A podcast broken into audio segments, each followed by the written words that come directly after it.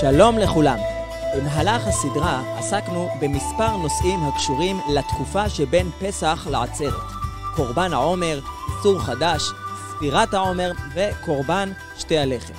בפרק שלנו שיחתום את הסדרה, ננסה להעמיד מבט כולל על מה שראינו בשבעת הפרקים הקודמים, אבל לפני כן נתבונן בעוד פסוק אחד שלא עסקנו בו, מתוך פרשיית כי תבואו אל הארץ שבפרשת אמור, פסוק הסיום של הפרשייה. ובקוצריכם את קציר ארצכם, לא תכלה פאת שדך בקוצריך, ולקט קצירך לא תלקט, לעני ולגר תעזוב אותם, אני אדוני אלוהיכם. הפסוק הזה מעורר כמה תהיות. אם נתבונן בכל פרשת המועדות שבפרשת אמור, נראה כי הפסוק הזה הוא היחיד שעוסק במצווה שלא קשורה לזמן מסוים. בעצם מצווה שהיא לא חלק מדיני המועדות. הפסוק הזה אמנם קשור באופן עקיף למצוות של קורבן העומר, שתי הלחם, כי המצוות שבפסוק הזה קשורות גם כן לזמן הקציר. אבל על פניו, הקשר הזה נראה עקיף מדי כדי שהוא יהווה סיבה להפסיק את פרשת המועדות בדינים שלא קשורים לאף מועד, ובמיוחד שהפסוק הזה ממש כמעט מילה במילה כבר נאמר כמה פרקים קודם לכן בספר ויקרא בפרשת קדושים. אפשר להסביר שהפסוק הזה מהווה חתימה ליחידת הפסוקים שעוסקים במועד הקציר. החל ממצוות העומר ואיסור חדש, דרך מצוות ספירת העומר, מצוות קורבן שתי הלחם, וקריאת מקרא קודש ביום החמישים שבסיום ספירת העומר. אם את תקופת העומר התחלנו באיסור לאכול ולקצור מחוץ למסגרת הכללית של קציר הארץ, והקציר התחיל בהעלאת הראשית להשם בקורבן העומר, קובעת התורה גם את אופי הסיום של התקופה. הראשית עולה להשם, והסיומת נשארת כמתנה לעניים. לא תכלה פאת שדך בקוצריך. בתוך המסגרת הזו של העלאת עומר ראשית קצירכם אל הכהן, והאיסור לכלות את פאת השדה, הציווי להשאיר אותה לעניים, בתוך המסגרת הזו מתרחשת תקופת הקציר שבשיאה כפי שראינו בפרק הקודם, עולה התוצר הגבוה והמעולה של הקציר, שתי הלחם, לקורבן חגיגי לפני השם. אם נעמיק בדיני מתנות עניים, אנחנו נוכל להגיע לקומה נוספת בהבנת העניין של מצוות מתנות עניים במסגרת התקופה הזו של קציר הארץ. באופן פשוט, המצוות הללו של מתנות עניים הם חלק ממערכת המצוות שיש בתורה שעוסקות בדאגה לעני, לחלש, כמו מצוות צדקה, הלוואה, מצוות מעשר עני ודברים מהסוג הזה. באמת הרמב"ם קבע את ההלכות שיוצאות מתוך המצוות הללו בתוך קובץ ההלכות של הלכות מתנות עניים. ויש באמת בראשונים, גם במורה הנבוכים, גם בספר החינוך, מספר טעמים למצווה שמקשרים אותה מבחינת המטרה שלה לשאר מצוות הצדקה. אבל ישנן הלכות שונות שמבדילות את מצוות מתנות עניים שבשדה משאר מצוות צדקה שבתורה. קודם כל, ההלכה היא שמצוות מתנות עניים נוהגות בארץ ישראל בלבד, ובקוצריכם את קציר ארצכם, בניגוד לשאר מצוות צדקה והלוואה לעני. בנוסף, במצוות פאה, המשנה קובעת כי הפאה ניתנת במחובר לקרקע. וגם במצוות לקט ושכחה, המצווה היא להשאיר לעניים את התבואה בשדה, לאפשר לעניים להיכנס אל השדה ולקחת את מה שהתורה מצווה לתת להם. נקודה נוספת, המצווה חלה על הבעלים בשעת הקציר. הרמב"ם כותב שאם מסיבה כלשהי בשעת הקציר הבעלים לא התחייב במצווה, לדוגמה, אם בשעת הקצירה לא היו מצויים עניים, ורק אחרי גמר הקציר הגיעו עניים, הבעלים אז פטור מלתת להם חלק מהתבואה שקצר. אף שלפי ההיגיון הפשוט של דיני צדקה, היינו מצפים שהתורה תחייב את הבעלים לתת כמות מסוימת מהתבואה שקצר, לא משנה אם העניים היו מצויים בשעת הקציר, או שהם הגיעו רק לאחר שהקציר הסתיים. יש הבדל נוסף שנוגע לזכות של בעל הבית בחלק שאותו הוא מצווה להשאיר לעניים. בניגוד למצוות צדקה, מעשר עני, בהן הבעלים יכול לבחור בעצמו לאיזה עני לתת, כאן הרמב"ם פוסק שאין בהן טובת הניה לבעלים, אלא העניים באים ונוטלין אותן על כורחו של בעלים. דבר מעניין נוסף הוא שמצוות מתנות עניים שבשדה חלות אפילו על עני שבישראל, למרות שבפשטות אין היגיון לחייב עני לתת צדקה לעני אחר. ניתן היה להסביר חלק מההבדלים הללו בטענה שהמצוות הללו הן איזושהי מצוות צדקה משודרגת. אין כאן רק מצווה לתת לעני צדקה במובן הרגיל, אלא גם ממש לשתף את העני בפעולת הקציר של השדה, לתת לעניים את התחושה שגם להם יש איזושהי שותפות בקרקע. לכן הפאה ניתנת במחובר לקרקע דווקא, ולכן המצווה חלה בשעת הקציר, היא תלויה בזה שיהיו עניים מצויים בתקופת הקציר. כמו כן, אפשר להבין למה הבעלים לא יכול לבחור לאיזה עני לתת. המצווה היא לתת לעני תחושה מסוימת של בעלות בשדה, וזה דבר שנוצר דווקא על ידי כך שהעני נכנס בעצמו לשדה, הוא מתנהג בשדה כבעלים, והוא לא נזקק לטובת הבעלים האמיתי של השדה. אולם, בכך לא מוסבר מדוע מצוות אלו שייכות דווקא בארץ ישראל, וגם מדוע גם אני חייב בהן.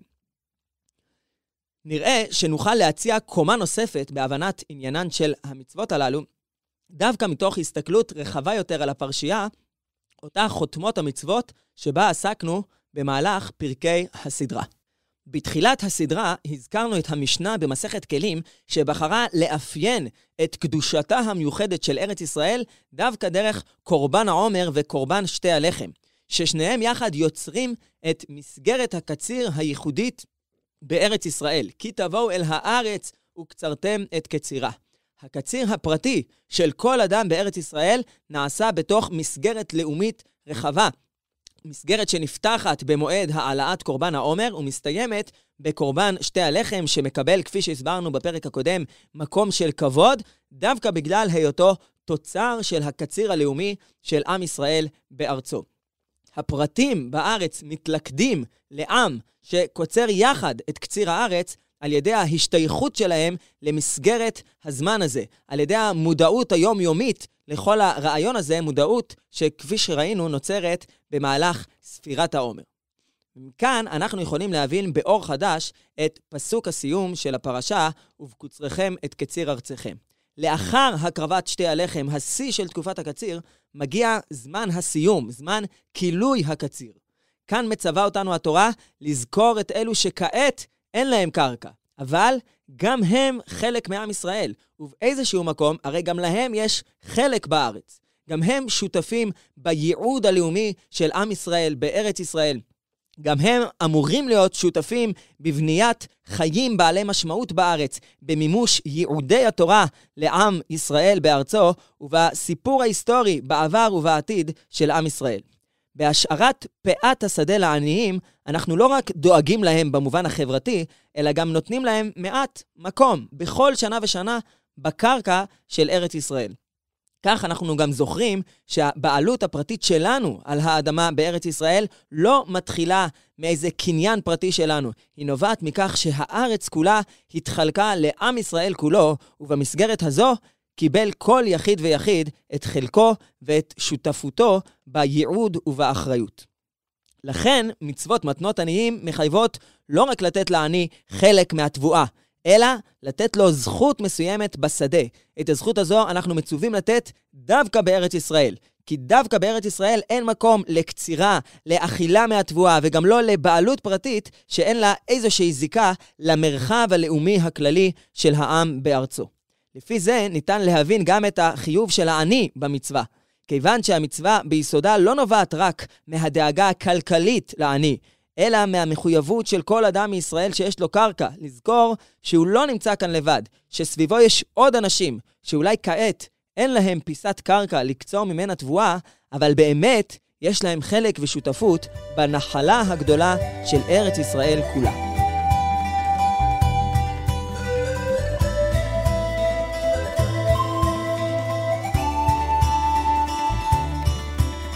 בעולם ללא מקדש, ובחברה שאיננה חקלאית, המשמעויות בהן עסקנו במהלך הסדרה נראות על פניו רחוקות.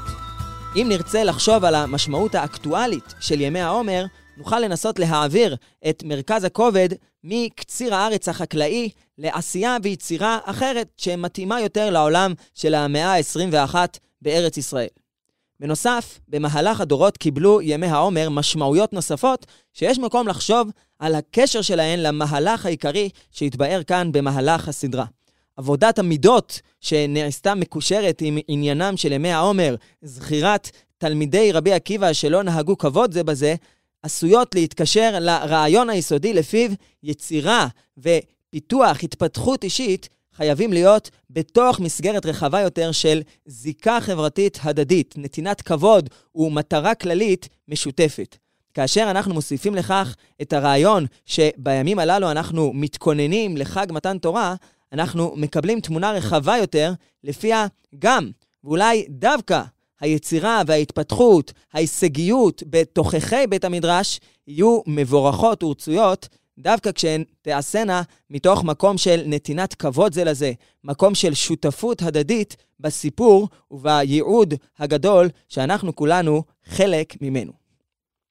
התגלגלו הדברים כך, ובדורנו בו זכינו בשבות השם את שבות עמו, נקבע, נקבעו בימי ספירת העומר, הנפתחים בקורבן העומר ומסתיימים במצוות מתנות עניים שבשדה, ימי מועד, זיכרון והודאה, המשקפים גוונים שונים של הלאומיות בחיינו כאן במדינת ישראל. החל מיום השואה, בו אנחנו נזכרים בברית הגורל של עמנו, דרך יום הזיכרון, בו אנו נעשים שותפים בחלל המשותף שנפער בינינו, בזיכרון החללים שנתנו את חייהם למען הביחד שמשותף לכולנו, וכלה ביום העצמאות ויום ירושלים, ימי הודאה והלל על המרחבים הלאומיים השונים להם זכינו.